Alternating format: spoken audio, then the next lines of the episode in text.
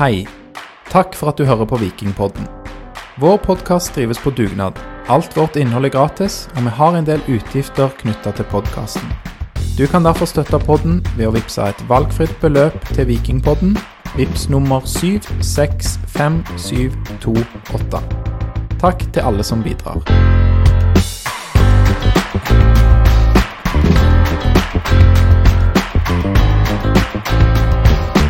Velkommen til episode 193 av Vikingpodden. I dag med Lars, læreren fra Madla. Velkommen, Lars. Takk, Aleksander. Og Joakim Oseberg, din debut i Vikingpodden. Velkommen. Takk for det. Så må vi si velkommen, velkommen til deg òg, Aleksander eh, Reinertsen. Takk for det, Lars, læreren fra Madla. Ja. Hva skal vi kalle deg? Politikeren fra Og Bekkefare. Bekkefare. Ok. Ja, det, det kan du godt kalle meg. Um. Velkommen til episode 193, altså. Vi skal snakke en del om den rett og slett grusomme kampen som Viking har spilt i dag, 1.10, mot eh, Molde borte. Vi skal snakke òg litt om andre dårlige kamper Viking har spilt i 2011 og 2018. Nei, unnskyld, 2017. For en fest det skal bli. Det, jeg er jo litt skuffa over at mitt forslag eh, falt gjennom. Jeg tenkte jo vi kunne snakke om Viking Rosenborg 2 i dag. Det var jo en, en fest for de som var på stadion. Ja, vi skal ta tak i noe av det som var positivt òg for dagen i dag, med Viking kvinner som vant. Um, ja, Det var godt. det var godt. Så skal vi høre litt fra deg òg etterpå, Joakim. Hva Mange kjenner jo deg, eh, som har fulgt Viking i mange år. Du er en kjent mann eh, i supportermiljøet og på Twitter, stemmer ikke det? Ja, i hvert fall på Twitter så er jeg nok i hvert fall litt lagt merke til. Kjent og kjent. Ja. Du, du har jo et uh, veldig kjent bilde på Twitter, i hvert fall. Det har jeg. Så Det har jeg greid å lure til meg. det var mange som Eller mange. Jeg vet i hvert fall Torjer han var litt sånn uh, lurte veldig på hvordan det så ut, for han, han visste jo at du ikke så ut som Olav Olav Nilsen. Beklager det, røykstemme. Nei, det Ja. er lett å bli rørt når han snakker. Ja, ja, det var det som gjorde det. Mm. Kjent eh, bilde av eh, Olav Viking som ligger horisontalt i luften. Det har du trykt til ditt bryst òg som eh, profilbilde på Twitter, Joakim. Rett og slett. Men vi har kanskje ikke tid til å ta alle disse tingene nå, Lars. For vi, vi skal nå eh, Batty snakke med Bjarte Lund Åsheim før han legger seg. Ja, nå er det jo spennende å se, da, for eh, dette har vi ikke gjort så veldig mye før. Om teknikken står og spiser, skal vi bare prøve å ringe Kjør på, ring han. Ja. Lovende. Ja, hadde hørte noe lyd. Hallo. Hei, Bjarte. Du er. Bare så du vet det, så tar vi opp alt du sier nå. Ja, ja, det er fint. Hvordan er det med deg? Nei, det er greit. Jeg er sur, men ellers er det greit. Så en dårlig, dårlig, dårlig kamp og dårlig prestasjon, så Ja. Sku- skuffende. Ja, Det er jo godt at du er skuffa, for det noe annet ville vært bekymringsfullt. Eh, Lurer på om vi bare begynner med et sånn åpent eh, spørsmål. Jeg. Angrer du på noe eh, fra i dag? Ja, ja, du gjør jo alltid det etter, etter du vet hvordan det gikk, så så, så gjør du selvfølgelig det. Og du prøver jo på en måte å se om det er ting du kunne gjort bedre og hatt en annen inngang til kampen og, og den biten der. Så men selv om du gjør det, så vet du ikke om det hadde gått annerledes eller hva det er. Så Hva er det som Generelt skuffa over, over prestasjonen. Så har ti, ti gode minutter, føler vi. Um, og så når vi får det baklengsmålet, så, så blir det, føler vi at nesten blir bare verre og verre. Det er Alexander her, eh, Batty. Et spørsmål òg. Er det, Ja. det Jeg opplever at vi spiller kampen, prøver å spille kampen ganske likt hele, hele tiden. Er det sånn at dere heller ikke har noen uh, tydelig plan B her? Uh, jo, men uh, etter hvert så blir vi jo jaktende, på en måte. Så det er sånn vanskelig å For eksempel kanskje burde vi eh, lagt oss lavere ned for å få litt mer kontroll. Uh, og på en måte prøvd å kjøre noen kontringer. Uh, så vi blir veldig sånn Går til pause og ligger under 2-0. OK, blir det 2-1 nå, så er det kamp igjen. Uh, og vi åpner jo nok gjerne, sånn sett i ettertid, uh, kampen altfor mye. For Dere tar jo av eh, Joe Bell i pausen allerede, og eh, Kristoffer Haugen snakker jo om at de finner mye rom på, på høyresida. Hva, hva er det som, som gjør det? Hvorfor, eh, hvorfor er det Bell som blir tatt ut i pausen? Ja, vi, vi følte vi måtte gjøre noe etter, etter en uh, første omgang vi ikke var fornøyd med. og Vi hadde Harald der som har vært god for oss. Uh, og så er jo Molde òg god, uh, og de kommer så mye på den, uh, på den høyre sida, som du sier. Vi, bommer litt i presset. Uh, bommer litt i høyden på presset, og de kommer bak, bak oss på den sida litt for mye. Ja, Nei, jeg lurer også bare på eh, litt med ref høyresida her, eh, Betty. Så er det jo Vi har jo sett uh, Sondre Bjørsol spille veldig tydelig den ja, holde bredden, være breddeholderen på høyresida. Og så har det gått seg til litt, syns jeg, med Janni da, når Haugen og Bjørsol har vært skada. Men, men, i dag mm. så synes jeg det ser veldig merkelig ut. Og han, han fortsetter jo å stå veldig høyt, og holder ikke alltid bredden heller. Jeg syns av og til han ser ut som en høy indreløper. Er det noe som er bevisst fra deres side? Har dere justert noe der? Nei, det, det, det, har vi ikke. Så, og Det er nok noen sånn signal at Janne vil ha den inn bak. At han, at, at han gjør at han havner litt smalere. Uh, at det er litt dårlig timing i forhold til på en måte ballfører og løp, og Janni prøver å ta bak, som gjør at han blir stående smalt. Så du sier jo at vi mister bredden på, på, på høyre. og så, så, det er nok litt det dere ser. Uh, vi hadde egentlig justert den litt på en måte litt lavere. At vi ikke ville flytte Janni så høyt så tidlig, siden det var en bortekamp. Så, så det er nok grunnen til at dere ser at han er litt smal, at han har prøvd å ta et bakromsløp, rett og slett. Det blir jo et kampbilde der eh, selvfølgelig målet har jo litt å si, men mm. Viking mm. triller jo veldig mye ball. Eh, klarer ikke å skape så mye. Um, Nei. Og Alex snakket litt om dette med plan B og sånn, men jeg bare vil spørre om midtbanen. For det at eh, der har jo Bell kommet inn, og, og, det er jo en del som, eh, supportere Alltid når ting ikke går helt etter planen, så har jo de løsningen. Um, ja. eh, skjønner du de som skriker etter å gå tilbake til Solbakken, Tangen og Jaspek, som jo fungerte jo ganske bra? Ja, nå, nå vil vi ikke legge skylda på, på noen enkeltspillere på, på, på, dette resultatet. For det følte jeg det var en, eh, en lagsprestasjon som gjorde at, uh, at, vi, at vi taper denne kampen her. Så uh, og som du sier, de, det har fungert veldig bra med, med, med de spillerne, som du sier. Så, men nå er, kommer Gjersbæk til å være sona neste kamp, så så det vi, vi, prøver å sette opp det vikinglaget vi tror, tror, skal vinne kampen. og Jeg skjønner at noen kan, kan være misfornøyd og reagere nå, når, når du taper 4-0. Ja, det er jo, det er jo eh, holdt på å si, eh, Når først er noe galt, så ender det jo inn. Men, men hva skal til da for at uh, midtbanen At liksom, en skal finne ut av det med Bell inn? For det, det, er jo en Altså, Bell er jo en god spiller, vi er jo veldig glad i han her i poden, men, mm. men, vi føler jo kanskje at det mangler litt før, altså, før det løsner helt på midten der, da. Hva, hva skal til? Ja, selvfølgelig. Du må òg se at han på en måte har spilt litt lite kamper i, i Brønnby. Og han på en måte òg vi må gi han tid til, til, til å komme inn i inn i, i vikingmodusen igjen. Så syns jeg Joe har vært god eh, periodevis, og så har han ting, ting som han må jobbe med. Så, men det, det, blir for enkelt å på en måte peke på én spiller her for, for, meg, for dette var en prestasjon fra, for laget Viking som var langt ifra fra der vi ønsker å være. Men du, du, gir jo mye tillit da, Betty, til de som kommer rett eh, fra, fra, andre klubber her. og Har vi den tida? Skal vi gi dem den tida nå?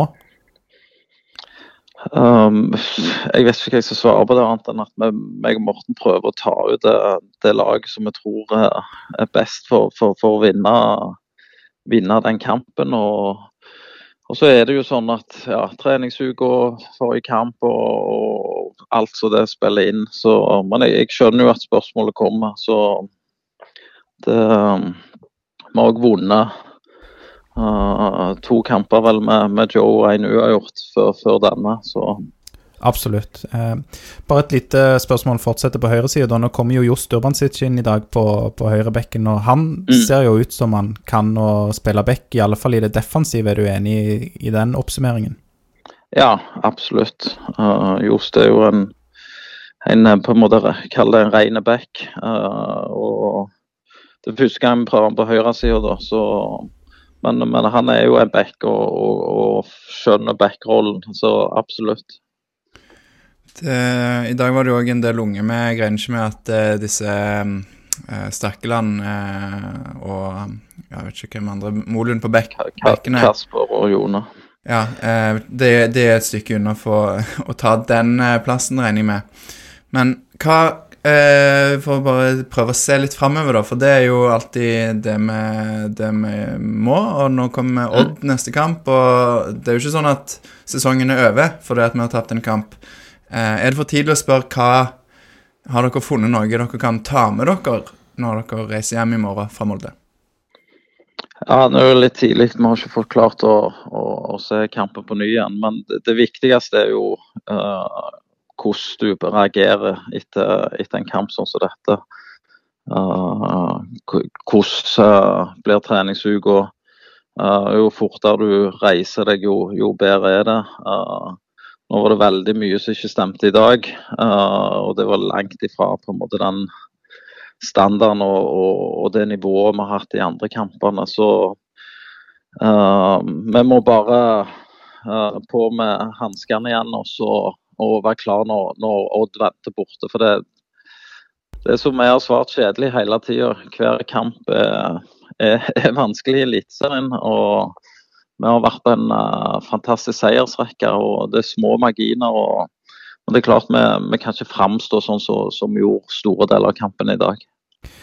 Kjøre et par spørsmål til, Betty, så skal vi la deg gå. Men, men bare litt dette som du var inne på sjøl òg, at uh, dere kunne kanskje lagt dere litt uh, lavere tidvis. Jeg opplever at Molde spiller ganske enkelt, ofte av det høye presset vårt, og det er noe av det som skaper både mål og, og farlige situasjoner. Og så, så, så skjønte jeg det vel sånn at dere ikke legger dere dypt da, eh, på noe tidspunkt. Men er det, er det er det andre grep dere tar som vi kanskje ikke ser, som er litt sånn tydelige grep? Nå ønsker vi å gjøre noe annet, for det vi har gjort, funker ikke. Ja, vi, vi gikk jo ganske sånn uh, tøffe i trynet uh, inn på denne bortekampen. der at vi, vi la opp en kampplan. Vi ønsket mye ball og vi ville spille de lave. og um, Men og vi føler vi får ti gode minutter, selv om vi ikke skaper noen sånn kjempestore sjanser. Så har vi noen sånn halvveis etter noen dødballer. Og, og så skårer de på, på en av de første de får. Uh, og så bommer vi litt, som du sier, i høye presset. Uh, så føler jeg vi bommer litt i høyden når vi legger oss i, i, i, i medium press. Og så gjør det at de, de kommer altfor mye bak oss, uh, spesielt på høyresida. Uh, så vi får ta, ta læring av det, og så får vi klare å justere kjappere da, hvis vi bommer i presset. At vi gjerne i deler av kampen legger oss litt lavere, spesielt på, på bortebane. Mange av de bortekampene vi har spilt, så har vi òg faktisk forsvart oss veldig bra hjem, hjem til borteseier Så, så sett i ettertid så ble vi kanskje for åpne mot et uh, veldig godt Molde-lag. Og ta med dere det, da, dette med å kanskje ta litt raskere justeringer, som du sier, ha muligheten til å ja, øve, øve inn en, en plan B eller modus 2. Ja, det er ikke så mye pl mer plan B, for det er mye av de samme tingene. Men du, du, må finne, du er nødt til å finne den høyden, sånn at du har mye mer kontroll over uh, det angrepsspillet Molde kommer mot oss. og vi føler jo nesten det, blir bare verre og verre jo lenger kampen går, og vi henger skikkelig i, i tøylene en stund der. Så det, det var ikke en uh, bra prestasjon av, av, Viking i dag, og det tror jeg alle er klar over. Et par uh, ting. Bare en liksom, jeg er veldig spent på å lure på. Hva i garderoben etterpå?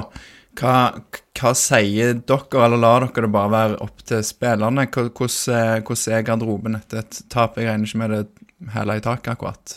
Nei da, det, det er en skuffa gjeng, og alle skjønner at det har vært en uh, veldig dårlig prestasjon. og uh, Det kommer noen ord fra oss, og så kommer det noen ord fra, fra en del spillere. og så er det det som er viktig nå, er egentlig ok, hvordan reagerer vi på dette? Hva, hvordan ser vi ut i uka som kommer, og hvordan ser vi ut uh, når Odd venter neste helg? Mm.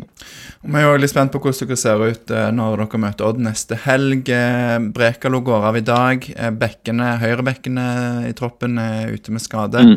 Kan du gi oss en oppdatering på, på de? Brekalo kanskje først?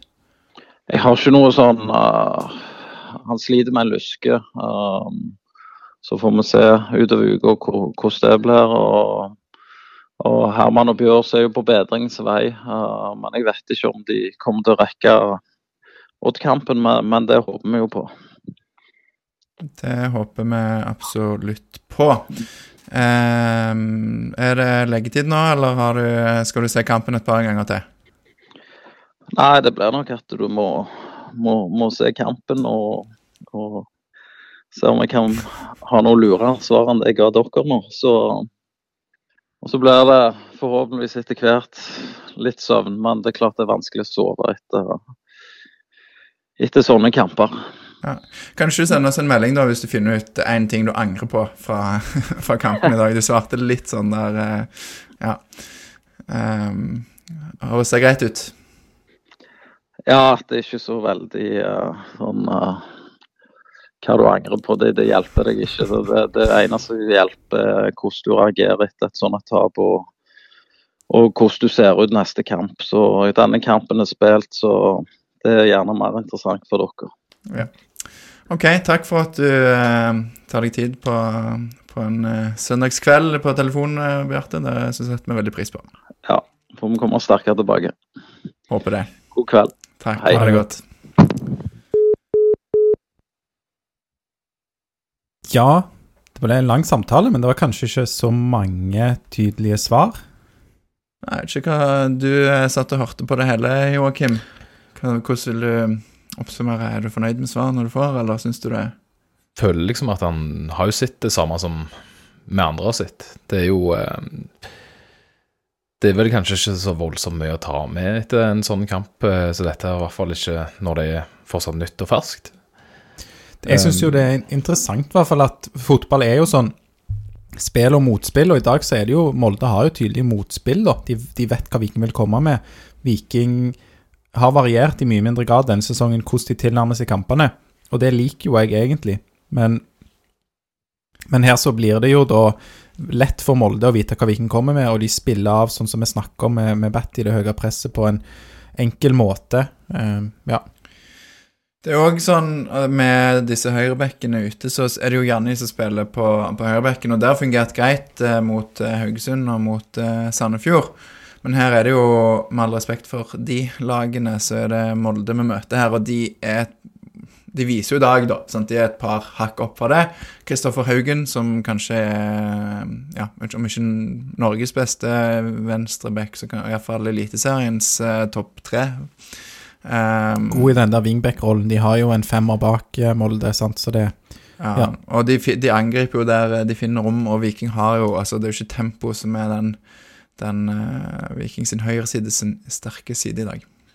Nei, det er jo veldig tydelig i dag, i hvert fall. For eh, Janni går jo høyt. Sånn som du sier, så ser han jo nesten ut som en indreløper til tider. Um, og når han går så høyt, så har han ikke fart nok i beina til å komme seg tilbake. Og det har ikke Joe Bell heller. Den, den høyresida til Viking i dag så helt grusom ut. Altså, ja. det, var, det, var, trist, og så gjør de jo en gjerne forskuttering om De justerer jo underveis og får jo Jasbekk over på den sida når Tangen kom inn. Men det er jo det er så krise å se på, syns jeg. Og jeg, jeg synes det er rart òg, det Batty sier. Sånn, vi etterspør litt den ja, har dere en plan B? Er det noen tydelige justeringer? For meg så virker det ikke som de kommer. Altså når Dette med at Janni blir pusha så høyt i banen, det, det funker jo ikke. De altså- justeringene kom vel først når de tok og bytta ut um, Joe Bell med ja. Nilsen Tangen. Ja, han sier jo vel at uh, det er jo ikke så mye plan B, for det er jo mye de samme tingene, var vel uh, var vel det han sa. Mm. Eh, Men når det høye presset blir spilt av gang på gang Jeg synes jo da det, Jeg liker jo at igjen at de ikke har en sånn de angriper ikke denne planen som en sånn eh, Ja, vi har jo snakket mye om det i fjorårssesongen, 5-3-2, de skal ligge bak borte mot Bodø-Glimt og Molde. Jeg synes det er flott at de angriper kampen og vil spille vikingfotball, men jeg skulle gjerne ønske at de har et tydeligere alternativ. Hvis en kamp går imot, så gjør vi sånn og sånn. Nå eh, snakker vi veldig sånn mye generelt om kampen. Vi skal jo gå gjennom eh, målene og sånn. Men, men dette er jo en dag der egentlig altså, ingenting funker, bortsett fra de første ti minuttene. Da, da funker det, og så mislykkes Viking da med å eh, kapitalisere på, eh, på det som faktisk funker bra. Og bare så det er sagt også, så er det jo ikke sånn at vi vil legge skylden på noen med eh, spørsmålene om Joe Bell, men det er jo grunnen til at vi tar det, jo fordi det er en åpenbar endring etter eh, han da ble henta inn. Den tydeligste justeringen. Som, òg ble gjort uten at at det, Altså, det um, Hva er det en sier hvis du ikke har et problem, så skal du ikke fikse det? Eller nei. Jo, det er et sånn If it eh, ain't broken. Ja. Ja. Ja, og det er jo Det har vi jo sagt hele tiden her i poden. Eh, og det er jo selvfølgelig Nå har han jo spilt noen kamper, og det har jo sett bedre og bedre ut. I dag er selvfølgelig et steg tilbake. Men han ble jo kasta inn i kamp eh, fra start allerede i første treningsuka, som jeg syns er, er rart. Han ble vel kalt et luksusproblem når han kom tilbake igjen. Ja. Starte er som et luksusproblem. Men nå er det veldig Tror ikke det var han spesifikt. Nei, men det, ja. vi, vi kom til å få et luksusproblem med å ha såpass mange gode uh, spillere i samme posisjon. Men eh, Luksusproblemet, quote, Stakkar. Problembarn. du kan kåte deg på det. Nei, det um, Skal vi gå, gå litt gjennom kampen? Når, når vi snakket om mange av de spillerne Ja, som vi skal ta noen av, eh, av situasjonene her. Men, men før vi gjør det, så tar vi et lite steg tilbake. Og så hei igjen til deg, Joakim. Eh, Hei. Kan jo bare høre kjapt eh, Du er med og dekker denne episoden av en grunn, for du har et eh, mørkeblått eh, hjerte. Eh, Hva er din eh, story med Viking? Nei, jeg er jo, jeg er jo først og fremst eh, vikingsupporter fra 96. Da du ble Eh, født? Nei, jeg er født eh, 89. Okay. 1989 er jeg født. Eh, Fint år. Godt år. Mm. Så begynte jeg å gå på kamp eh, ja, som seks-syvåring, og så har jeg vel aldri stoppet noe særlig. Så jeg har vel, har vel gått glipp av sånn ni-ti hjemmekamper totalt sett siden det. Yes. Og så er jeg eh, Det er sterkt, da. Det er ikke mange som har bedre track record enn det.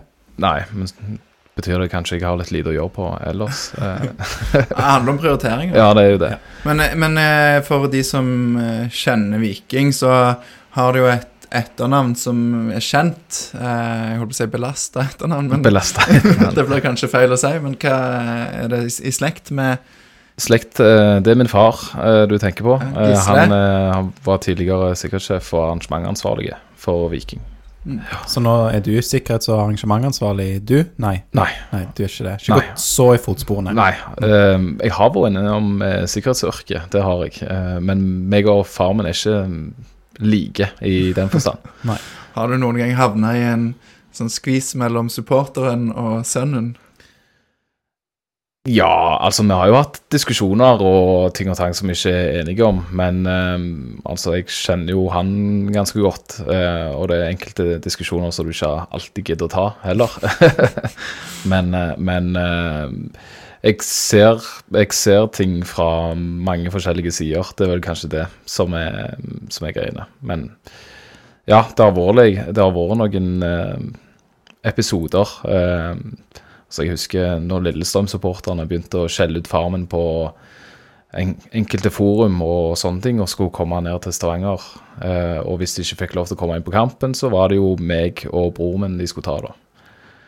Ja. Det er jo kjekt, sikkert. Ja, det er jo bare tull. Det er jo ingen Det var ingen sannsynlig greie, det, holdt på å si, men, men eh, det var jo sånn. Vi husker jo Husker jo at det var et par ganger at du fikk hjertepumpa litt ekstra opp. Så belasta er kanskje ikke helt eh, feil Belast- ord. Belasta jeg, jeg vil si at det er helt greit å si belasta. Har du noen eh, sånne gode, positive vikingopplevelser da, som du bærer med deg, Joakim? Du sa du har vært på alle hjemmekampene utenom en ti stykker siden 1996.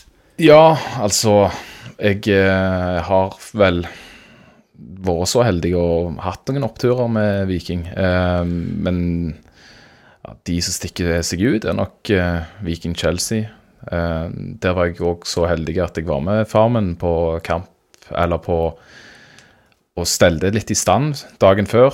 Og um, så drev jeg på å sette ut litt skilter og sånne ting. Og så møtte jeg jo hele Chelsea-laget. Eh, Det er ganske kult, da. ja, var ca. like høy som Sola. Nå, så jeg hadde jo øyekontakt med han, men ellers så var jeg relativt liten i en alder av tolv. Ja, det, det var noen profiler der. Det er jo Ja, og så var det ekstra stort at Viking greide å vinne mot de dagen etterpå. da.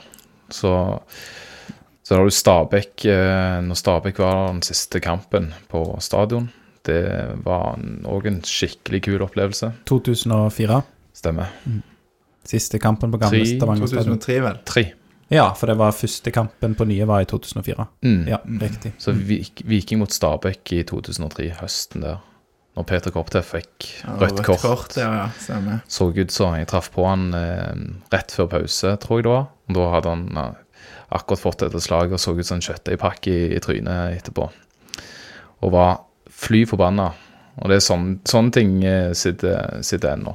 Den situasjonen har vi snakket om her i podden før, men for de som ikke husker tilbake til dette da i 2003, så var det en kontrovers der med Inge André Olsen, Stemmer det. der I, nei, IJ, ja, eh, Koptef fikk et eh, litt ufortjent eh, rødt kort. Ja, det var vel en Han ble vel utvist for å, slå etter Inge André Olsen, som kaster seg ned, mener jeg. Og så er det jo Det er jo det som har skjedd i forkant, da. Eh, EJ, eh, EJ sier du, så Ja, nå, nå har jeg smittet, ja. Eh, Koptef har jo fått en albue i trynet, så han ser jo rett og slett ikke ut etterpå. Så Jeg har òg alltid blanda Peter EJ og Peter Koptef. Ja. Det, er- ja. Men uh, har du noe av gressmatta uh, hjemme? Var Nei, ikke det, det- greia at, jeg, at en kunne ta med Jo. seg eh, jo, det var det, men nå har jeg jo flytta sånn fire ganger etter det, så jeg tror ikke jeg hadde greid å tatt Jeg greier ikke å ta vare på en eneste blomst, så jeg hadde i hvert fall ikke greid å ta vare på noe gras, tror jeg. Nei.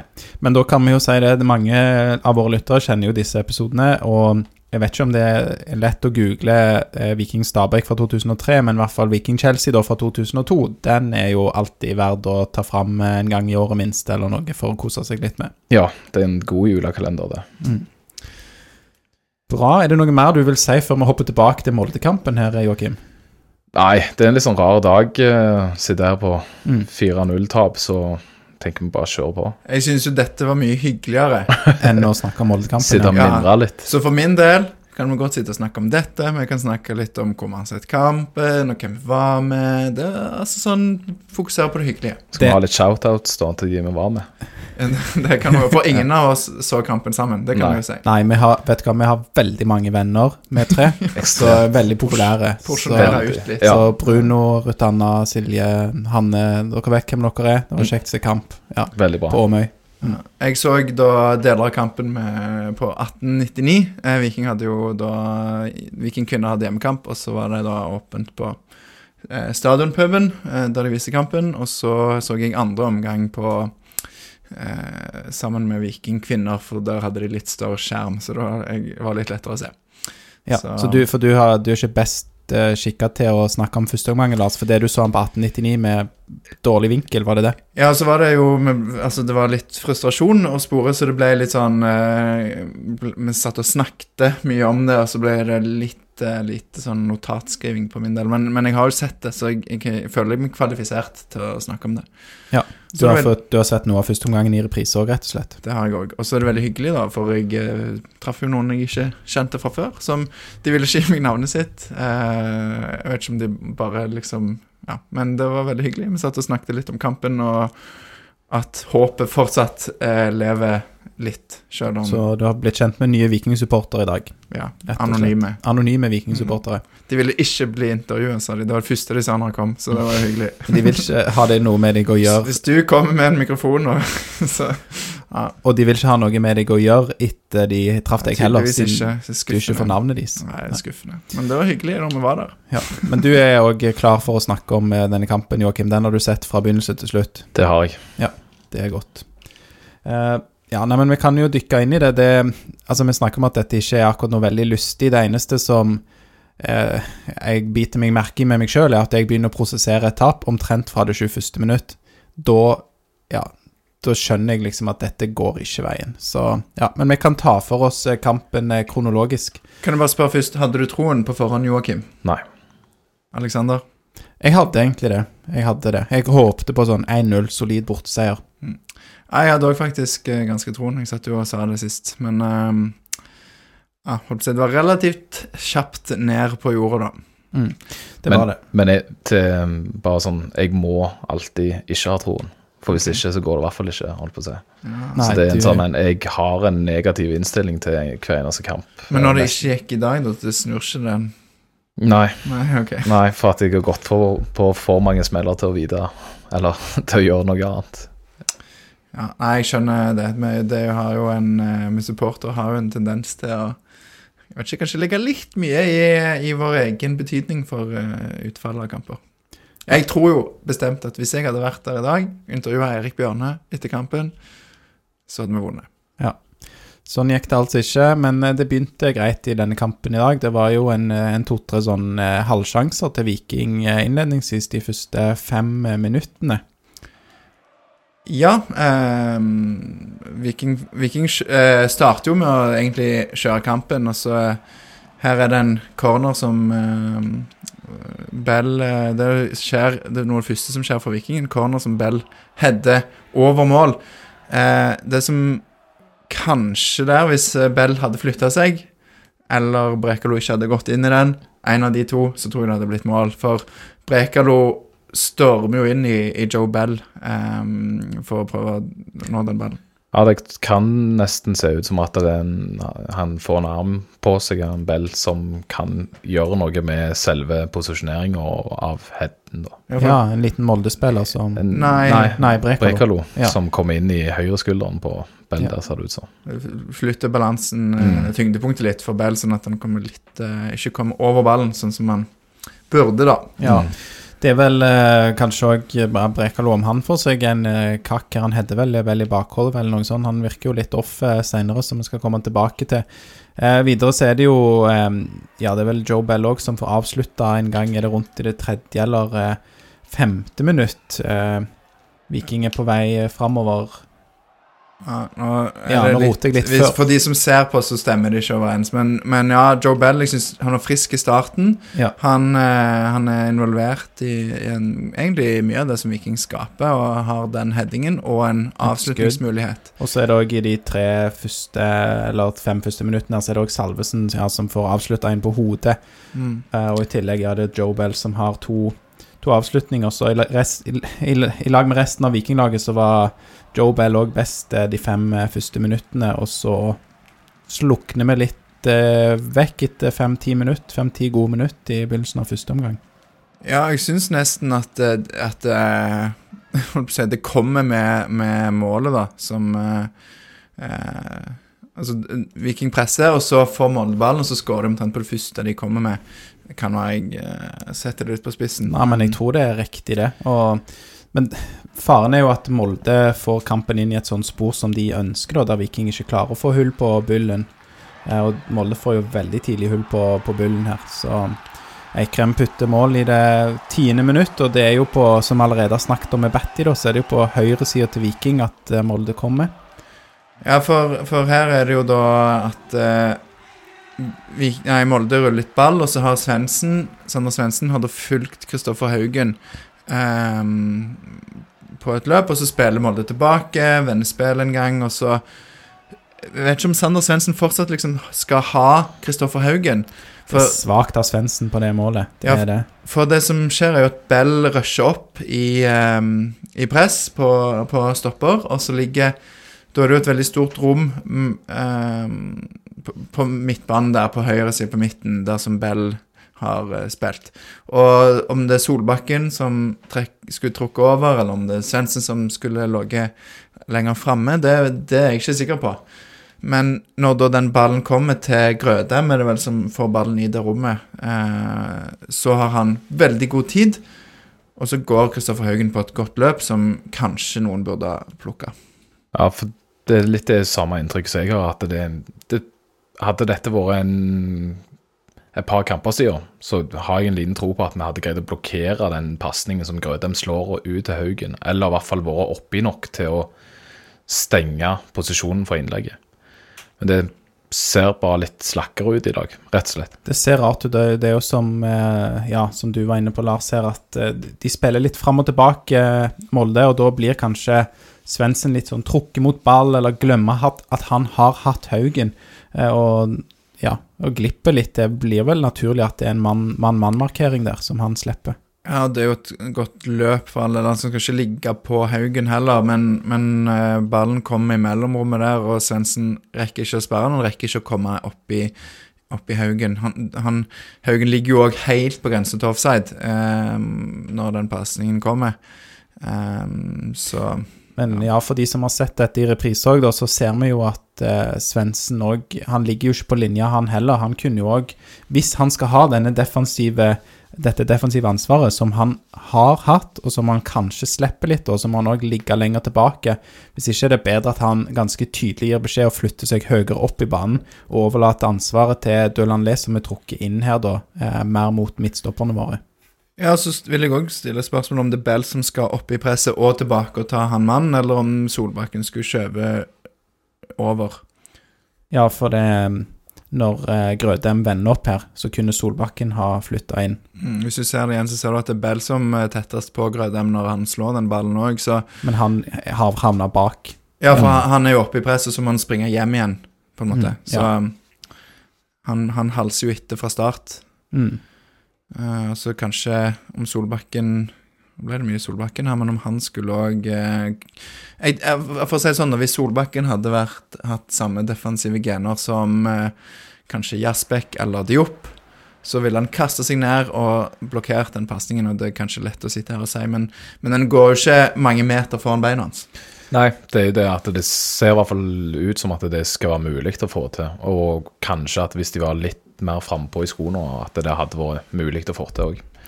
Ja, for han, eh, han ser jo Eikrem der, eh, Solbakken.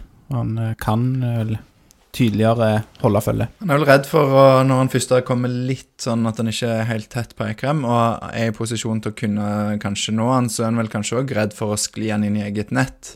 Det kan være, ja. Um, Vanskelig øvelse, kanskje, men ja. ja, så um, her, er det, her er det jo Nå er det mange ting vi setter fingeren på, så det hadde vært interessant å vite hva Viking sjøl um, Mener om 1-0-målet. mm. Så Men- sett det sammen med noen. Men det er jo en bra overgang. Så hadde Viking vært, i, hadde Viking vært Molde der, så hadde vi jo så det bare skryta av, eh, av det som ble gjort. Så, så det er nok litt vanskeligere enn en, vi greier å tenke oss det. Men 2-0-målet er jo enda verre, da. Det er et pissemål. Men, men ja, for vi, vi glemmer jo at Molde-spillerne tross alt er ganske gode, de fleste, bortsett fra spissen. Ehm, nei, der er det, det Jeg tror Molde har et kast på sin høyre side. Ja, i det 21. minutt der. Og så, ja, og så legger han helt over eh, på sin venstre til Kristoffer Haugen, og så eh, stormer Janni fram for å presse. Mm. Så det er én ball inn, og så, eh, så er det jo motorvei for Haugen. Nok en gang. Men her har jo Brekalo egentlig kontroll Mm. når ballen kommer inn foran Viking sitt mål. Ja, altså Det ser jo sånn ut den, Til hans forsvar ehm, Så løper han fort mot eget mål, eh, og ballen kommer litt bak han. Mm. Så det ser jo ut som den er veldig lett å bare klarere. Eh, jeg har spilt eh, litt fotball sjøl, så jeg vet akkurat hvordan det er. Men han, samtidig altså, har han ganske god tid når Ja. den kommer. Så det, på hans nivå, hadde dette vært for en måned siden Så hadde det nok gått veien, ja. mm. Men uh, keeper Gunnarsson her òg, på 2-0-målet til Molde, er- han har rusha ut, og skjønner ikke helt heller hva Gunnarsson forsøker å få til. Han står nærmest på straffemerket når eh, Brekalo bommer på ballen. Ja, for dette er interessant hvis du uh, enten spoler tilbake sjøl eller ser det på, på vår YouTube, så, så Når Brekalo bommer på ballen, uh, så er jo Brekalo der for å stoppe Veton Berisha, som går på et løp. Og hvis ikke Brekelo er der, så er jo Berisha der. Og da er Gunnarsson i en veldig merkelig eh, posisjon, plassert seg veldig rart. Mm. Til slutt så er det jo eh, Shane Patinama som får eh, delvis blokkert avslutningen fra Eriksen, men jeg mener at Shane Patinama kanskje gjør så mye mer i den situasjonen. Han skal aldri komme gjennom der, ballen. Nei, det, blir veldig mye tilfeldigheter hvis det, vi skal satse på at det, her er det Shane som gjør noe feil, liksom. Ja. Eh, men, men Du, du, det, det kan du jo si, og det er jo altså selvfølgelig eh, Optimalt så skulle jo aldri den eh, ballen kommet der han kommer fra, fram mot Haugen i første omgang. Men når han først kommer der, så er det jo Som forsvarsspiller så må du jo være eh, forberedt på at den kan komme til deg. Al- Always expect the ball. Ja, og han, han er jo litt sånn Jeg tror han forventer, som du er inne på, at Brekalo tar den. Så glemmer han seg bitte litt ut og får akkurat liksom 20 cm for mye under Christian Eriksen, da. Ja. Men, Men, skli, eh, sklir han eh, den i Christian inni inn i Eriksen, eller er det omvendt? Omvendt. Ja. Ja. Eriksen først, og så via Patinama. Men, men dette er jo sånn, det er lett å sitte og peke på og, og mene det ene og det andre herfra. Så Jo, men det er jo derfor vi har podkast. Ja. For å sitte her og peke Det- og på det ene og det andre. Ja. Og at vi ikke spiller sjøl, er jo en fordel her. Det er skader og sånne ting, er det ikke det? Jo, jo, som gjør at vi ikke spiller Ja, sjøl. Ja, absolutt. Ja, det var jo Men hadde, hadde det vært oss som var i skoene til Brekalo, Patinama og Janni her, så hadde vi aldri vært i den situasjonen. Det var vel derfor du òg begynte å gå på stadion i 1996, eh, Joakim, etter du fikk den stygge skaden Stemmer det. som satte fotballkarrieren eh, ikke bare på vent, men eh, på hylla. Mm. Ble nærmest fotballinvalid eh, som seksåring.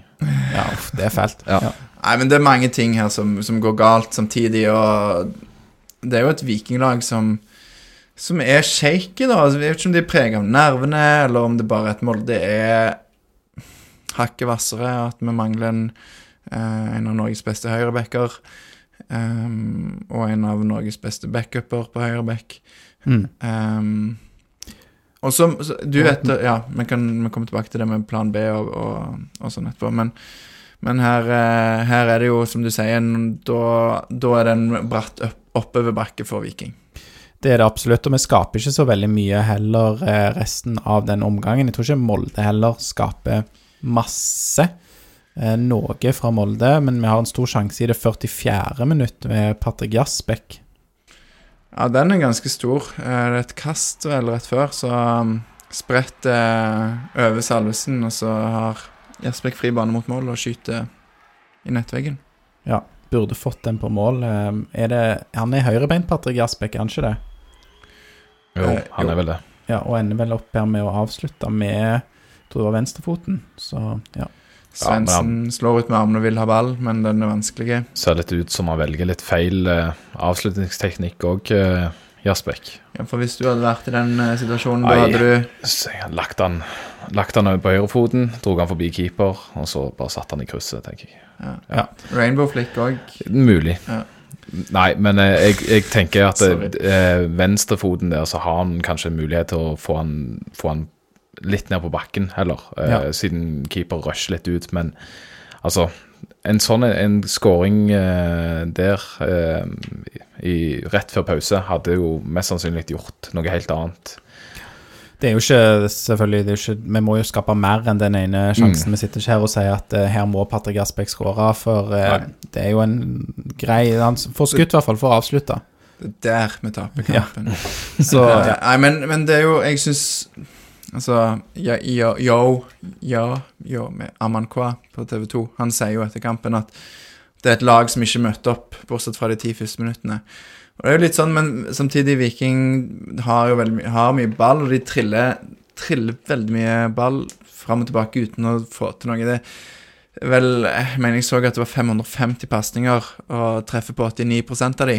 Det er ganske høy pasningssikkerhet. Det handler mye om at mesteparten av de pasningene er fra stopper til stopper, eller um, en midtbanespiller som kommer ned og møter og, og sentrer tilbake. ja, det er jo, skapes ikke nok i dag. Det ser ikke farlig ut. Og er fantasiløst, og, og at det, det, det liksom de har et par sånne si, innøvde trekk eller planer de skal gå for, som er eh, at de skal legge inn på Salvesen, blant annet. ehm, som Ja. Og så gjør de, som du sa når vi snakket med Betty, de gjør det litt det samme om og om igjen.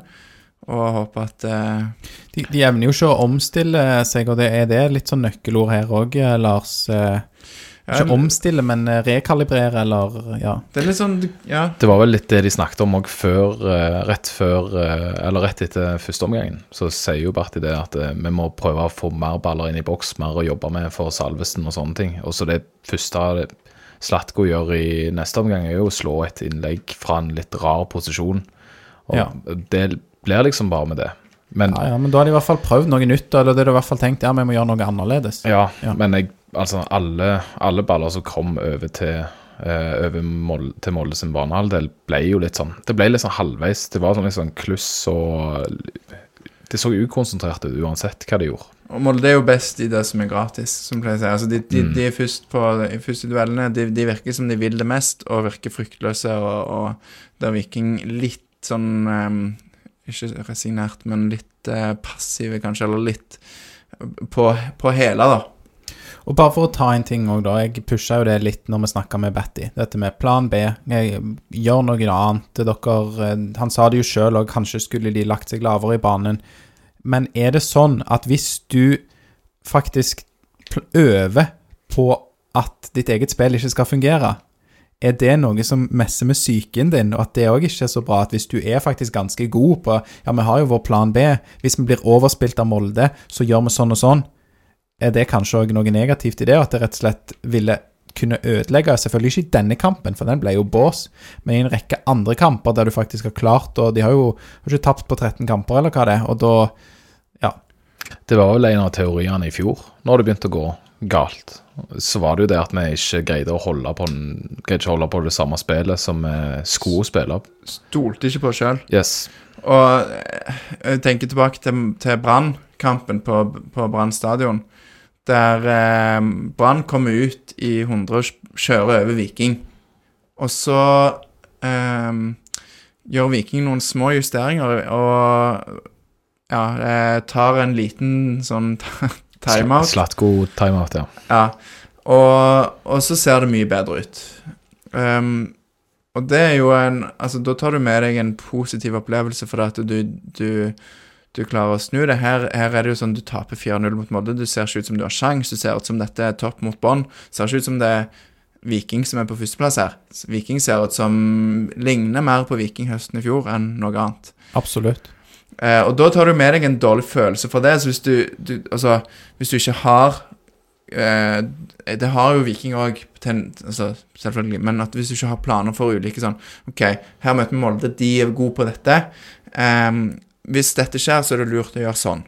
Mm. Sant? Da, da tar vi kanskje Jeg vet ikke om det er lange baller, eller om det er at eh, Da legger vi oss nedpå litt, eller inviterer Molde til å komme. Men så kan de jo si Men Molde har jo et 1-0 og 2-0. Hvorfor skulle de gidde å, å, å komme opp i banen her? Ja, men òg hvis, hvis Viking legger seg lavt, da. Sant? Og så er det som du sier, Lars, at da vil kanskje Molde være veldig fornøyd med bare å trille. Viking setter ikke inn sitt høye press. Så er det i hvert fall noe med det å være litt uforutsigbar, da. Hvis Viking prøver å legge seg ned, ok, så, så funka ikke det heller. Så fikk vi litt lite ball. Eh, og hvis Viking har noen grep, som du sier, med å slå noen lange baller, eh, eller slå mer langt Ok, kanskje ikke det er heller effektivt, men du er i hvert fall uforutsigbar. For Viking er ekstremt forutsigbare for Molde i dag. Det er jo lett å forsvare seg mot.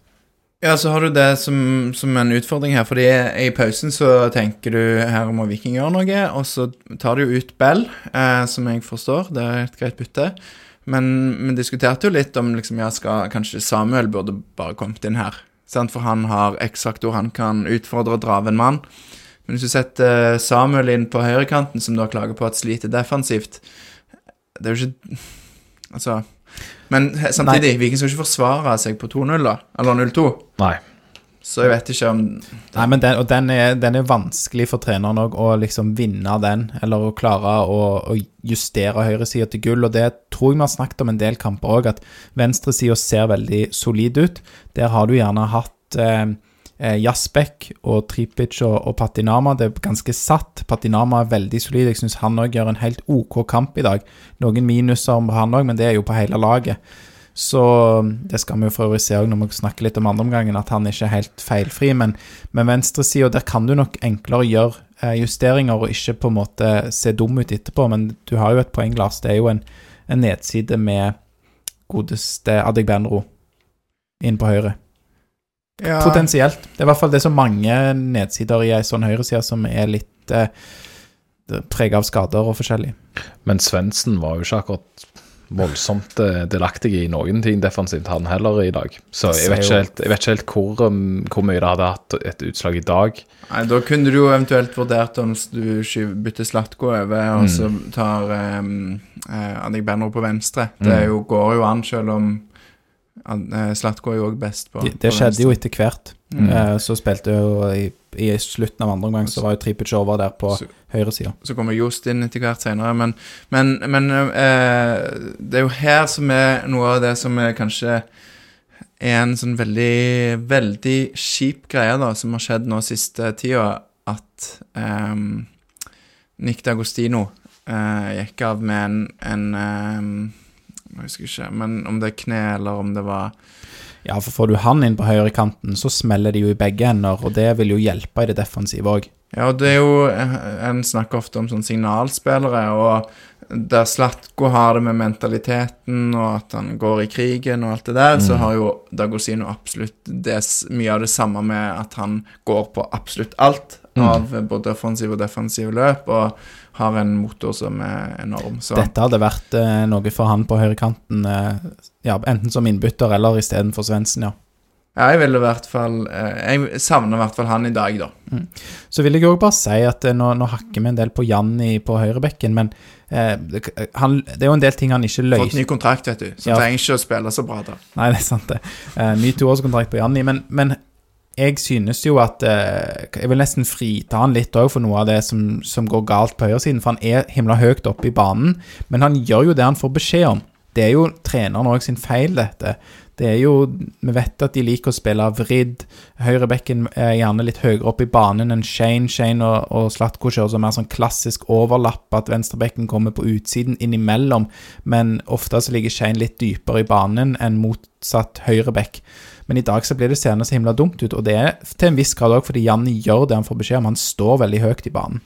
Men det er der jeg for Akkurat når du sier det, så tenker jeg Det er jo litt rart at eh, Janni, som er så svak defensivt For det er Han har, han har ikke eh, egenskapene der. Som eh, Bjørsol. som Bjørsol, eller som Haugen heller, egentlig. Så, så jeg syns jo det er litt rart at han får den beskjeden. eh, I hvert fall etter det har gått galt én gang. Janni har jo klart seg greit på høyreback eh, før, og um, jeg tror jo hvis Kanskje hadde, mot svakere motstand. Ja, sant, for her er det Kristoffer Haugen han er opp mot, eh, var inne på det i stad, men òg hvis han hadde fått en annen instruks, som du er inne på, Aleksander, at han skal ligge eh, mer eh, igjen og holde igjen, så, så kunne jo det hjulpet, men jeg lurer på om liksom Kanskje at du skulle eh, vurdert, fordi det var jo lenge at en trodde at Sondre Langås skulle spille høyreback før forrige kamp. um, som jo har det defensive. Og her er det ikke en driblekant på samme måten som um, Al-Saed, som Sandefjord. Han, altså Langås slet jo mot han. Ja. Um, her er det Kristoffer Haugen som går på gode løp og, og har en god innleggsfot. eh, og med en defensive fibre på høyrebekken, så tror jeg jo kanskje at du står litt bedre rusta. Og det byttet ville jo kanskje kommet hvis det ikke var for at Brekalo ble skada. Mm. Da tvinger de jo eh, hånda til trenerne våre. Men jeg, jeg er litt sånn Jeg, jeg vet ikke helt jeg med, med Langås på høyrebekk. Etter, etter ja, Men det, var, det er nok litt speila i at han ble så voldsomt eh, tatt på senga av han Al-Saed i Sandefjord. Ja, han, er han er god, eh, god spiller med god teknikk, så det hadde vært Altså, det er jo som eh, Betty sier, vi, vi vet jo ikke hvordan det ville gått. Ja. Dette er jo sånn Er det det som heter kontrafaktisk eh, diskusjon? Ja, det er jeg litt uh, det, Men det er jo hvis det er det, hvis det er det som heter kontrafaktisk, så er det jo mye kontrafaktisk i fotball. Det er jo bare det vi må Det er derfor vi har uh, fotballpodkast til en viss grad. Og bare for å ta det, Lasse, når du sier at det er en god spiller med god teknikk, så snakker du om Al-Sayed, ikke om Sondre Langås, som en god spiller, men kanskje ikke med den samme teknikken. Han har i hvert fall ikke vist det ennå. Nei. Men jeg bare si det, jeg synes sånn, vi ser jo bedre ut etter at Sondre Langås kom inn for David Brekalo, faktisk. Og jeg, det var noen positive ting der fra Sondre Langås. Syns han eide Christian Eriksen eh, tidvis i kampen. Tok han helt ut av kampen. Så Hadde han som ryggsekk den ene Ja. episoden, i hvert fall. noen, eh, noen situasjoner der der han løser på en veldig fin måte Sondre Langås, og noen positive ting var det òg. Jeg syns det er litt, litt både òg, for det ser av og til litt uh, stressa ut, og litt at samhandlingen ikke er helt på plass, men jo Eller ikke er overraska over. Um, men, og samtidig som Han får jo på en måte et lettere kampbilde der Molde er fornøyd. Og, Det er sant. Å komme mm. på kontringer som han har fart, så er jo en fordel i sånne situasjoner. Så Men vi kan ikke snakke han ned fordi han har fart, f.eks. Det er jo en fordel. En, han løyte det er jo en del av hans arsenal. i dag slak, slakter vi alle, si, snakker vi alle ned, sånn at eh, de kan få bli bygd opp igjen. eh, Absolutt. Og, Og noen andre. Mm. Av noen andre. Av noen Ja. andre, eller av oss til slutt. Vi tar en telefon etterpå. Ja, Ta men bare si det òg, samhandlingen som du sier, Lars. Det er jo samhandling og kommunikasjon i, i Forsvaret. Vikingdag er jo helt krise. Og jeg tror kanskje vi bare skal gli over i andre omgangen nå, for da får vi noen eksempler eh, på det. Har dere noen, har noen stilt deg spørsmål, Alexander? Hvorfor gjør vi dette? Jeg sitter og snakker om en begredelig kamp i Molde. Jeg bare blir Ja. Jeg, jeg var så fed up i, i dag jeg, jeg, når kampen pågikk. Jeg var bare Det så så elendig ut og begredelig ut, og så tenkte jeg skal vi gå og sitte og snakke om denne kampen? Hvem gidder å høre på det? Det er flere grunner. Jeg skal gi de til deg. En av grunnene er at dette er faktisk god terapi for meg. Eh, Og jeg håper for dere òg. Det er bedre å få snakke om det og blåse ut litt om det. Og så tror jeg òg at eh, for noen så er det bare vondt å høre på denne podkastepisoden fordi Viking har tapt mot Molde. Men for andre så er det òg sånn OK, jeg vil faktisk prosessere dette, og jeg, eh, Folk elsker jo Viking. Sant? Folk, folk elsker jo å snakke om Viking. Og jeg vet i hvert fall når vi har gått på tap, så er det kanskje Må det gå en dag og to før jeg orker å høre noe om mer om Viking, da. Så jeg tror kanskje lyttertallene kommer litt seinere etter tap. Og så er det eh, et ord jeg er veldig glad i, det vi snakket om før, eh, som heter eh, Og nå er det lenge siden har sagt ordet læringsmuligheter. For det er det jo masse av. Ja, for Viking òg, og vi, vi vet Ja, jo at ja for Viking. først og fremst for Viking. Jeg tenker vi har levert knallbra til nå i dag, så her er det, her er det Viking som har masse læringspotensial. vi vet jo at Morten og Betty hører på disse episodene. Jeg tror i hvert fall Morten gjør det, så vi må jo lire av oss vår beste kunnskap. Eh, vi vil jo det aller beste for Viking. Så vil jeg bare si en siste ting òg. Vi lagde episode eh, etter hver kamp i Eliteserien høsten 2022. Vi liker ikke å snakke om den perioden, men vi har i hvert fall trening i å sitte og være disiplinerte og prate om laget vi er glad i, og når det går rett eh, i dass. Ja, og, Og ja, og det tenkte jeg på i dag, for det var, det var selv én episode i fjor som jeg bare var bånn motivert for å gjøre. Det var én kamp jeg var bånn motivert for å gå på. Det var jo Viking Molde som gikk som det måtte gå når Molde var um, on a run i fjor. Nok om eh, podden. tapte vi 1-5 da, eller noe sånt. Jeg husker ikke. 10-0 sikkert. Ja, husker ikke heller. Ja, nei, men eh, vi går over i, i andre omgang, da. Det er jo ikke noe sånn lystigere. Det, vi taper jo begge omgangene her eh, 2-0, og Molde skårer mål i det 59. minutt. Ja, det er jo da ehm, Det som ikke kommer med for de som ser her, er at eh, Eikrem får et eh, løsnet godt skudd som eh, Gunnarsson redder etter corner. Corneren heter Gunnarsson Ikke Gunnarsson. Salvesen heter han unna. Og så er det Breivik som skyter en lompe fra 20 meter eller noe sånt. Jeg syns det er et eh, ganske godt treff, men en heldig deflection. Eh, det ropes på offside her fra Gunnarsson, annet, og det er det aldri, men Skjønner hvorfor han roper, da. Ja, men han ser jo ikke det så godt, da. Alle keepere skal prøve seg på en liten offside der, Ja, ja. tenker jeg. Men det er jo ikke vits å rope så himla mye når du har VAR, men ok, du kan jo håpe litt på det, da. Rope litt. Ja, rope litt. Og så, som du sa, Lars, det er jo en eh, Før denne situasjonen, før målet 3-0, så er det jo eh, kampens redning, da, av Gunnarsson. Ja, det- har, jeg tror han har en seinere som ligner som enda bedre, faktisk. Jeg tror han har to gode redninger. Okay, ja. Kanskje jeg som men- blander situasjoner her. Er Eller at jeg så en reprise, kan òg være. Er det når Magnus Wolff Eikrem skyter? Det tror jeg. Ja. Mm. Jeg uh, Ja, det gikk litt i, i surr for meg. Det ble litt mye negativitet i andre omgang. Ja. Men, men, uh, men det skuddet da som er i lompa, går jo via Kristoffer Haugen. Uh, og Gunnarsson hadde jo tatt det 100 ganger av 100. Hvis Ja, sånn, er, sånn sett er det jo i lompa. Jeg, jeg er enig i det. Det er ja, OK treff, liksom, men det er jo keepermat helt til han får den eh, styringen av Kristoffer Haugen. Men det er litt typisk Molde i flyt. Eh, Viking var ikke i flyt i dag, så da blir det sånn. Nei, og jeg sa vel til deg, Joakim, før vi begynte innspillingen, at vi får heller ta denne type kjipe deflection-mål når vi uansett skal tape en kamp. Ja. For det, det Ah, det er det som skjedde. Vi bare fikk resten av uflaksen for i år. Jeg håper nå. det, altså. Vi, Ja. De, ja, det var jo i så fall en taktisk eh, genistrek. Vi får se når vi teller opp til slutt om, eh, om Viking har gjort unna sine blundere for eh, resten av sesongen. Det hadde jo vært fint. Det hadde vært veldig eh, bra. Eh, ja. Molde skårer bare fem minutter etterpå, og vi snakket om dårlig samhandling og kommunikasjon i eh, forsvaret vårt. Det ser vi vel eh, greit eh, på 2-0-målet til, til Molde. Her er det jo Shane Patinama som eh, spiller Christian Eriksen onside. Eh, og så ligger Magnus Wolff Eikrem og lusker langt eh, framme i banen. Og når da eh, Eriksen slår denne på tvers, så er han klar til å sette ballen i mål. Ja, her er det et par ting. For Patinama i dag, som kanskje det er mest å utsette på han, så er det litt dette.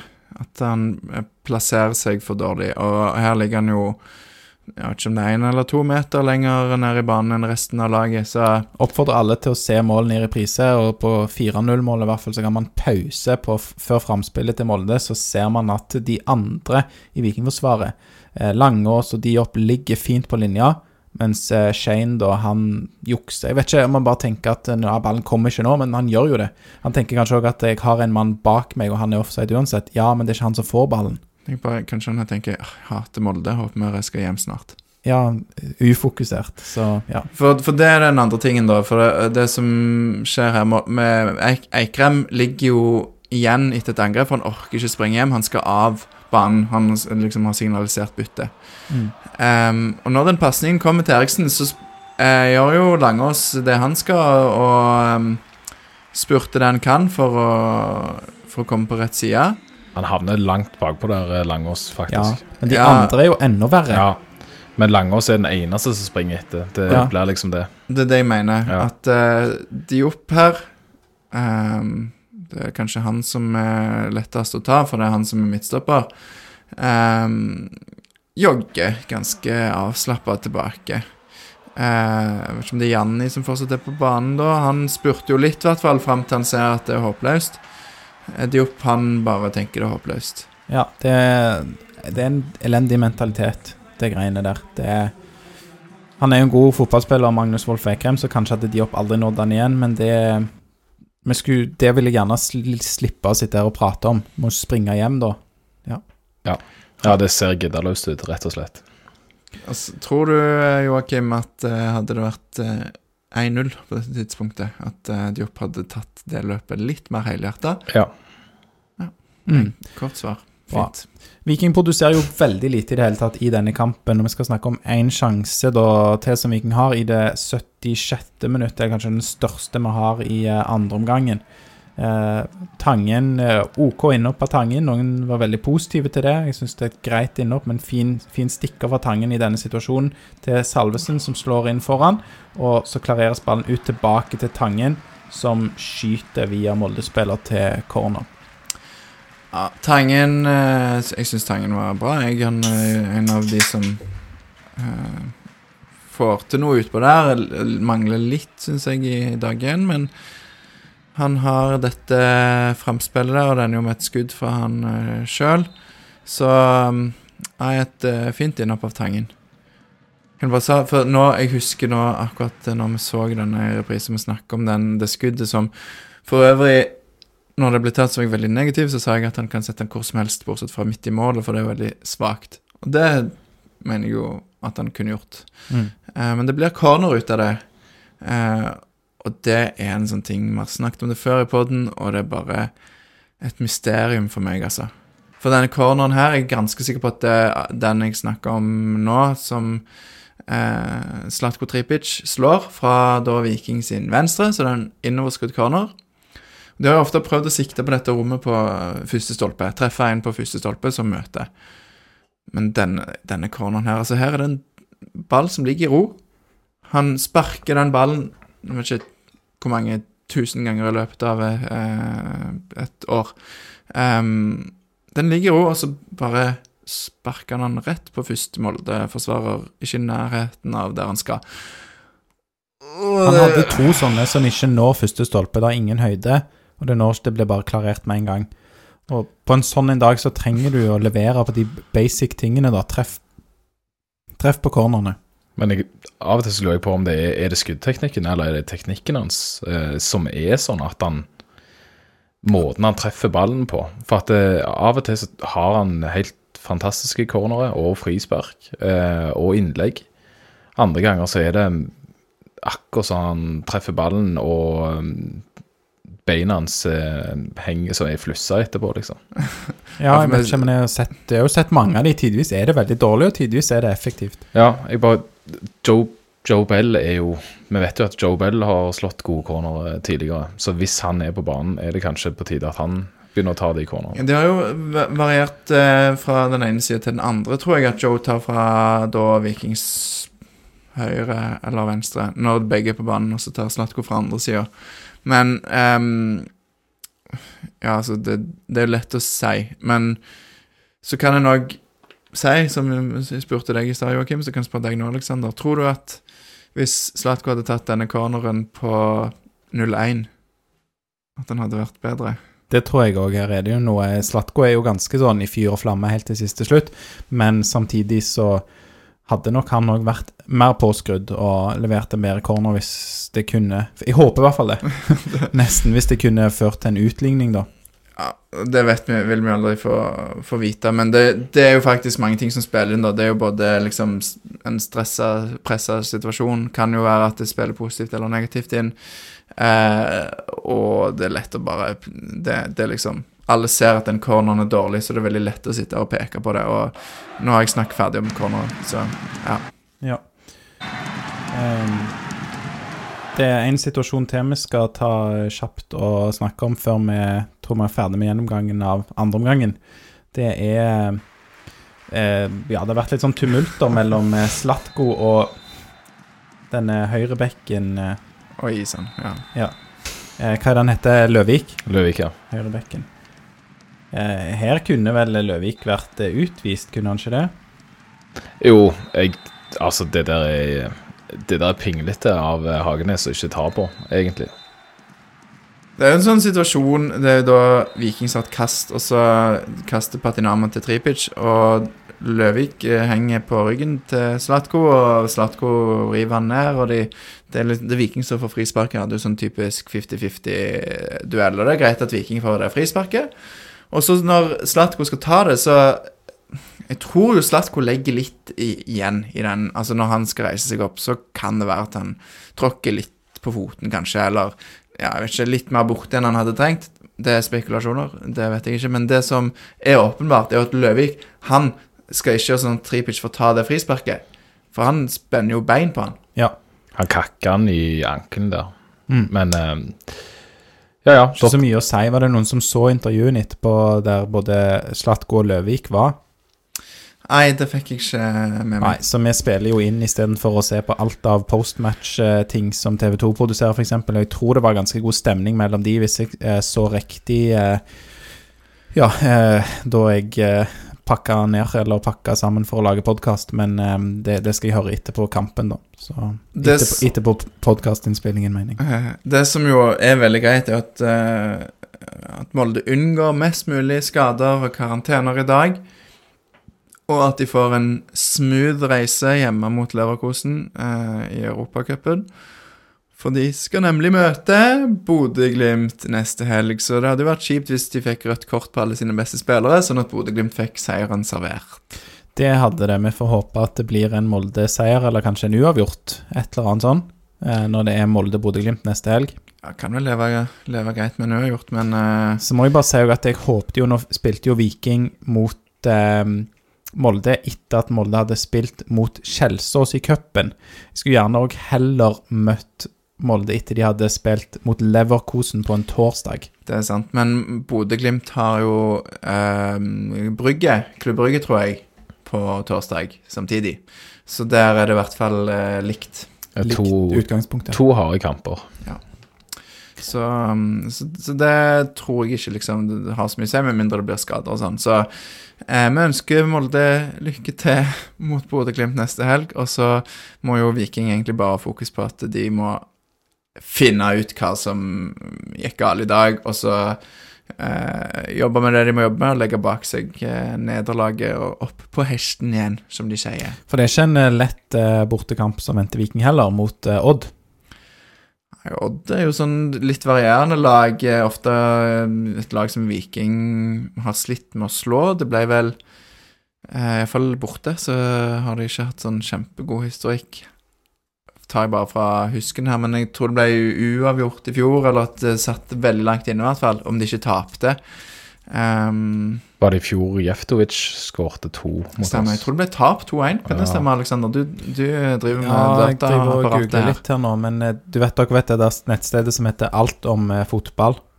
Hørt om det? Ja, det har jo blitt lagt ned. Så her eh, da, da famler jeg alltid så veldig på, på googlingen min. Men jeg mener òg at Viking har slitt borte mot Odd. Det er ikke noe Ja, ikke noe lett bortearena for Tapte oss. 2-1, ja. Tapte Mm. 2-1 i fjor. Ja. Um, så det, det er jo og, og Odd har jo varier, Som jeg var inne på, variert litt, men de kan, de kan ha veldig bra. De har eh, De har en eh, En måte å spille fotball på som hvis de, hvis de treffer, så, så svinger det. Men um, ja. Ja. Det var vel i 2021 òg at det ble eh, eh, uavgjort borte, tror jeg. Nå, ja. Nei, da tapte De vi. tapte vel da òg, for da, 3-2, det var vel i juli, og da var Bell på, ehm, på landslagsoppdrag på OL, i OL. Og Viking vant jo ikke en av de kampene Bell ikke var med på i 2021. Så Ja. Vi har tapt òg i eh, 2019 eh, borte, i 2020, så dette er Det husker vi rett i. Det er ikke lett. eh. Men den store forskjellen fra i alle disse andre årene til i år, Alexander og Joakim, vet dere hva det er?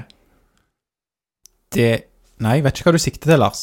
Jeg nevnte jo i tidligere i episoden at vi supportere har gjerne litt overdreven tro på vår egen innflytelse på eh, Ja, du skal reise og se Odd borte. Ja, Ja. jeg er på stadion, og håper Eirik Bjørn er det òg. Ja. Jeg, men, jeg reiser men jo sammen med deg, Lars. Skal du være med, Joakim? Det er plass i bilen. Oh, eh, jeg flytter neste uke, så jeg er midt i oppussing. Ja. Uh, Så mye som skjer. Og du skal ikke flytte til Skien. Jeg skal ikke flytte til Skien. Nei. Jeg skal flytte til Saksamarka. Hvis det var noe svar. Mm. Men uh, kanskje enda viktigere, faktisk, villig til å innrømme at det kan være viktigere enn meg og deg, Alexander, det at Viking har satt opp tror det er seks busser eh, herfra. Jeg er litt usikker på det, men det er i hvert fall solgt eh, ut de bussene de har. Og Viking Oslo stiller med noen busser, Mm. så det kommer noen busslaster eh, til Skien. Og det tror jeg jo blir eh, veldig viktig på, eh, på en tøff bortebane. Hvis det er seks busser fra Stavanger, så er det vel en 50 mann i hver buss. Ikke det? Så det er 300. Så kommer det sikkert noen hundre fra Oslo. Kanskje noen kommer i privatbiler og bor i Telemarksområdet. Så det kan bli bra. Det var vel 670 eller 80 jeg så sist eh, som var solgt. Ja. Og så har de plass til 800 og noe på det bortefeltet. Jeg lurer på om det rett og slett er sånn at de kan utvide det, for det er vel en arena i Norge der det ikke kommer så mye supportere. Ja. Det tror jeg. Skagerrak der i Skien. Ja, jeg, eh, det er ikke akkurat de som er kjent for å være em, mest eh, attraktive å se på. Eh, jeg syns jo de hadde en veldig gøy video i fjor der han, treneren var sånn eh, veldig Hvis du er interessert i å lære mer om Odd, vite mer, bli bedre kjent med Odd, så kan du kjøpe sesongkort. Det er tidenes minst fengende promovideo for å kjøpe sesongkort i ja. Eliteserien. Men så ble, var det jo spekulasjoner om dette var planlagt, for den, den ble jo veldig mye delt og slo veldig godt an, for det var så det var så veldig lite karismatisk, så det ble jo nesten snudd til at det var en genial video eh, av Odd og jeg. eh, Jeg, hvis, hvis det du ønsker er å få litt oppmerksomhet rundt Odd, gjerne her da med litt negativt fortegn fordi du lager så kjipe videoer, så ja, da lyktes du veldig godt. Hvis du prøver å selge sesongkort, så blir jeg veldig overraska hvis dette var det som Men de gikk, jo, de gikk jo ut etterpå, så delte de en, eh, et skjermbilde av en meldingsutveksling, eller eventuelt meldingsutveksling i, som jeg har i Indre Bane-podkasten, gåsehermetegn. Gås- Gåsehermetegn her. um, der det sto Hei, Paco, kan du lage en, en video der du Altså sånn Der de, da bestillingen var akkurat det de fikk. Så det vil vi nok aldri få et eh, 100 sikkert svar på hva som var intensjonen, og hva som ble bare tilfeldigvis en, en hit. Selger de sånn eh, Paco-smykker i eh, Sånn perlesmykker. Ja, eller sånn skjell, er det Jeg det? håper jo det er i supporterbutikken Ja, der. for det tenker jeg burde jo slått òg godt an. Jeg vet ikke hvordan Som det ligger an. joker, er det det kalles? Ja, jeg vet ikke hvordan det ligger an med økonomien i Skien, men Ja, men det er det er nok veldig lurt. Det kan nok være med å redde økonomien til den klubben, så Ja. fine som de smykkene der er. kanskje jeg skal sende dem en liten melding. Men det er jo Ja, litt Få høre. Mm. Det er jo en litt f- gøy greie, da, for det er jo dattera som har lagd det. Ja, det er gøy. Så det er jo en, en fin ting at han velger å ha det på likevel. Ja ja, syns òg det. Kult, måte. Kult å stå i det, at eh, det blir litt sånn tøys og tull rundt det. Eh, Viking, eh, nei, Molde Viking i dag. Jeg bare tenker vi tar de siste tingene også som vi har på programmet. Byttene. Vi har allerede snakket om Langås og, og Tangen. Og nevnte Jost Urbansic. Jeg syns han ser ut som en høyreback når han kommer inn. Han er jo venstreback, da. Han kan jo denne backrollen. Ikke sånn eh, gnistrende offensivt. Det var vel en eh, feilpasning og to som jeg husker fra han eh, offensivt òg, men OK. Jeg skjønner jo at Johs kom inn, og han har hatt greit innhopp, men det, det er ikke noe sånn Nei, men det er jo likevel siden han har vært ute så lenge og spilt en del for Viking 2 og sånn, så er det jo ja. Kjekt. Så jeg skjønner at han kom inn, men jeg synes jo det hadde vært veldig kult om Henrik Stakkeland eh, hadde fått eh, sjansen, for eh, For han er høyreback. Ja, ja. Og dere har jo sett noe av Viking 2. Kanskje Joakim Vet ikke hvor mye du har sett? Ikke veldig mye. Nei, men han har, vært, han har i hvert fall levert gode kamper for Viking 2. Sett veldig sprudlende og um, hardtarbeidende ut, og har hatt et par fine offensive involveringer. Um, og hva er det de kom inn på? Er det 3-0 da på det tidspunktet, eller er det 4-0? Det er vel 4, tror jeg. Ja, jeg tror jeg det. Så Ja. liksom, du har ikke så mye mer å tape. Eh, samtidig, altså, det er en tøff kamp å få debuten borte mot Molde når det ligger under 4-0, men jeg bare syns det hadde vært litt tøft om de hadde Ja, men kjørt den inn. er det tøft i det hele tatt? Jeg vet ikke hvor godt det er for en juniorspiller å komme inn i en sånn situasjon som det der. Det er, det er jo en Hadde, hadde det vært Det er 2-1, liksom ingenting å tape. Nei. Nei, det er bare å kjøre på. Det var jo 4-0. Det var det når de kom inn, så det, Men du får ikke akkurat sjøltillit av at resten av eh, lagkompisene dine òg er deprimerte og halvjogger rundt her, liksom. Nei, men eh, altså, da, har du, da får du debuten i Eliteserien, og det er jo en boost i seg sjøl, eh, som på en måte er en belønning da for å jobbe hardt og gjort det bra. Så, eh, så skjønner jeg at det ikke blir gjort òg, altså. Men det er viktig å få, få i gang eh, Jost òg, absolutt. Og Ja. kan du for øvrig si når de gjør disse byttene, da det er trippelbytt i det 70. minutt, eller 71., så var hele høyresida bytta ut. Det er jo et eh, tegn òg på mm, hvordan den har levert i dagens kamp. Ja. Eh, kunne tatt ut Patinama òg, liksom. For, altså, du kunne gjort hva som helst, og det hadde ikke hatt så mye å si. Nei. Auklend og Benro kommer òg inn eh, helt eh, OK innhopp. Par fine ting, og evner ikke å bidra til å snu kampen eller pynte på resultatet. Det var en veldig kort periode der det var liksom at Viking klarte å være først på å plukke opp når de var inne i eh, Molde sin boks, og så ble ballen klarert, og så tok de den andre ballen, og så tok de den neste. Eh, Jeg vet ikke om det var kanskje bare to minutter eller noe sånt, men da da tenkte jeg, da var Aukland blant annet eh, involvert i det. Men så bare klarer de ikke å få den der siste eh, pasningen, eller det ser ikke farlig ut i det hele tatt i dag. Men det ser faktisk litt ut som at Auklend har fått litt muskler eh, etter lånet han var på. Så han ser, han ser litt mer fysisk ut. Han ser ut som han er litt mer klar nå enn det han var når han var her sist. Det er veldig positivt. Absolutt. Han, og jeg har jeg vet ikke med dere, men jeg har drømt om og tenkt masse på disse assistene til um, Sander Svendsen og Sondre Auklend fra forrige hjemmekamp mot uh, Sandefjord. Den vendingen til Mm. Sander Svendsen før han trer igjennom til Janni, og hva Sondre Auklend gjør der inne i 16-meteren med fire, fem, seks, syv Sandefjord-spillere rundt seg. Jeg vet ikke, Det ble flere for hver gang jeg eh, tenkte på det. Tror det var hele laget, Jeg tror faktisk det. Og benken. Og um, Martin Ødegaard kom en tur innom Ja. Hvis jeg ikke husker feil. Nei, jeg tror du har rett. I hvert fall så å bare tre den gjennom beina på, på Sandefjord-spilleren til Samuel, det er klasse. Det er veldig bra. Det var for øvrig en eh, Ja, en eh, Callback kalles det. Callback? Når du liksom snakker om noe som Nei, du har snakket om før. throwback. Er det ikke? Eller er det callback? Callback er ikke det når du er på audition, og så får du komme tilbake? Jo. Det er det òg, men i, innenfor uh, underholdningsbransjen og sånn scene, eller kanskje standup eller uh, radio, Ja.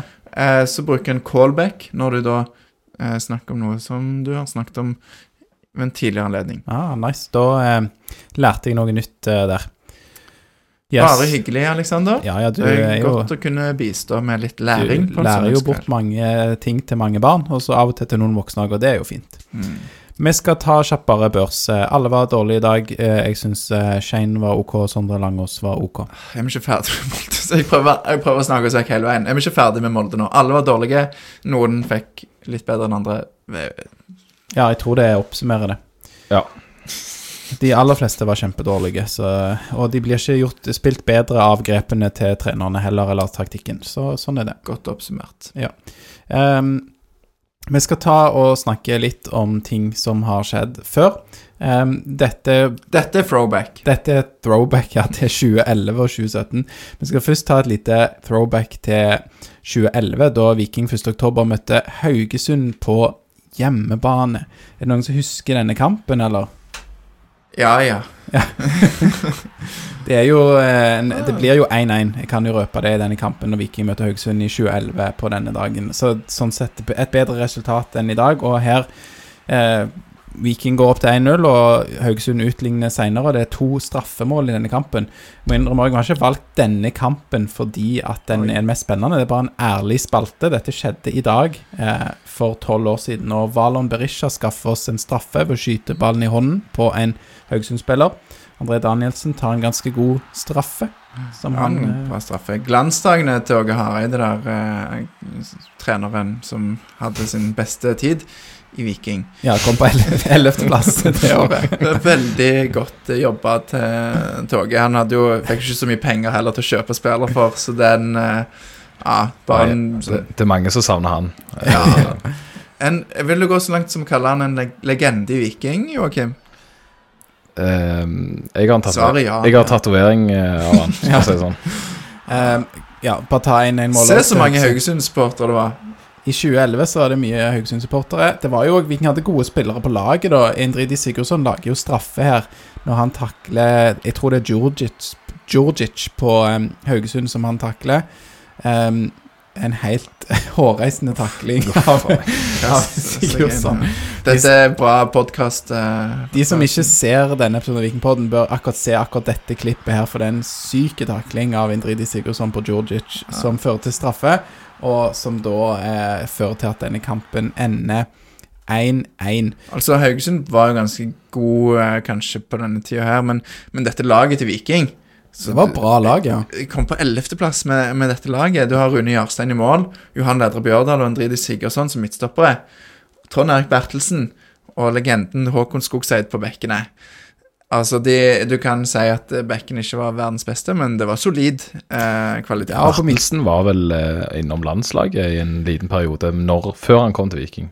Jeg hadde vel en kamp under Åge Hareide Nei, under Drillo. Eller blanding. Ja, jo, mot Mm, Tyskland Viking, ja. eller noe. Mens han var i Viking. Ja, stemmer det. På midtbanen så hadde du Valon Brisja og Birker Bjarnason. Eh, Og Janni Dulanli. Og riktignok da så var Lurer på om det er satt opp feil, for det ser ut som en 4-3-3, gjør det ikke det? Jo, det er sant. Eh, det er nok en 4-3-3. Eh, Og riktignok òg, da, med disse navnene som nevnes, så var jo Janni og Valon var jo veldig unge. Var vel 18 og 19 år på dette tidspunktet. Ja, men det var, de, de var Jeg vet ikke hvor gamle de var, men det, det var jo De hadde jo slått igjennom. Det var jo bra kvalitet. Absolutt. Og ja, eh, Nevland, Erik Nevland, Trond Olsen, Og så King Osei. Gian. Han kjøpte bilen min, bare sånn. Er det sant?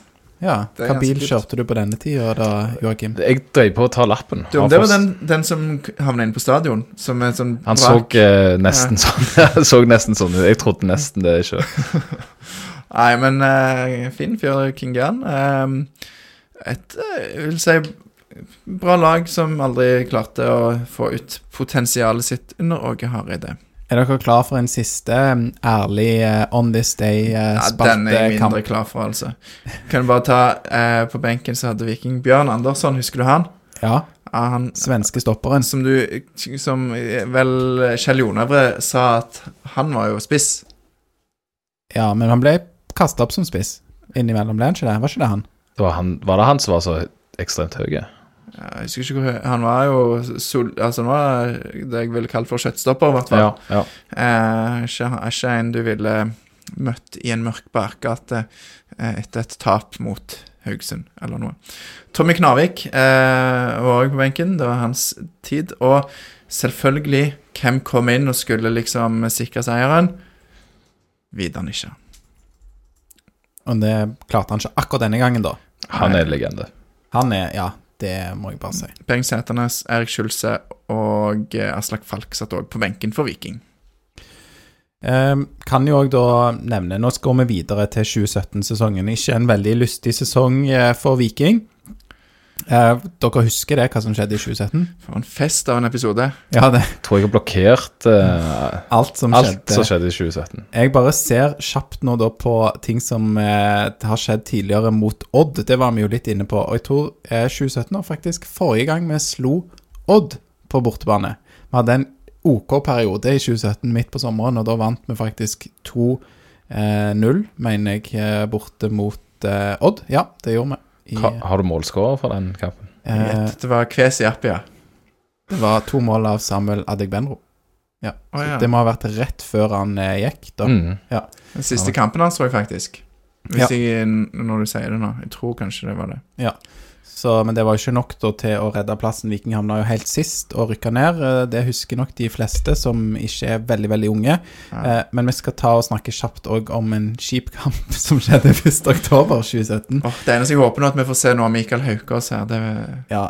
Nei, men Viking i hvert fall, eh, de eh, taper jo 1-0 da mot, hjemme mot Strømsgodset 1.10., og da skårer Strømsgodset i det 31. minutt ved Gerradi. Så det blir faktisk Julian Ryerson grust i duellen på bakre ja, han er enda bedre nå enn han var den gang. Så. Ja, så kjipt der, men det som er gøy med denne kampen òg, eller gøy på en måte, er den gigantbommen eh, som vi skal Ja, de som følger med på video, de skal få se Tommy Høiland sin eh, gigantbom eh, i det 54. minutt. Da er det jo Mathias Bringaker. Han eh, starta denne kampen fordi det var en skade, mener jeg, på Viking. Eh, og han skyter i stolpen, og så kommer Tommy Ah. Høiland. Og så skal Tommy Høiland breise i ballen inn i åpent mål. Og han spretter riktignok litt ballen, men eh, Tommy Høiland har putta noen sånne tap-ins eh, før, kjent fra, for å skåre flesteparten av sine mål fra inne i 16-meteren, Tommy Høiland. Uh, her blir det for Åh, vanskelig for hallo. Tommy Høiland. Så det, det var vel en sånn sesong Viking hadde da, i 2017, det som endte med nedrykk. Så ja. Det er en Det, var en, det var en sånn sesong. Det, det tror jeg vi kan være enige om. Men eh, ja, en tier til de som klarer å ta Bare liksom fra eh, husken Klarer å ta stopp Eller forsvarsrekka til Viking den, eh, den kampen. Jeg lurer på om de faktisk spilte med en stoppertrio. Hadde de lagt dem til en femmer bak, ja. Det kan se ut som på det jeg sitter og ser på her.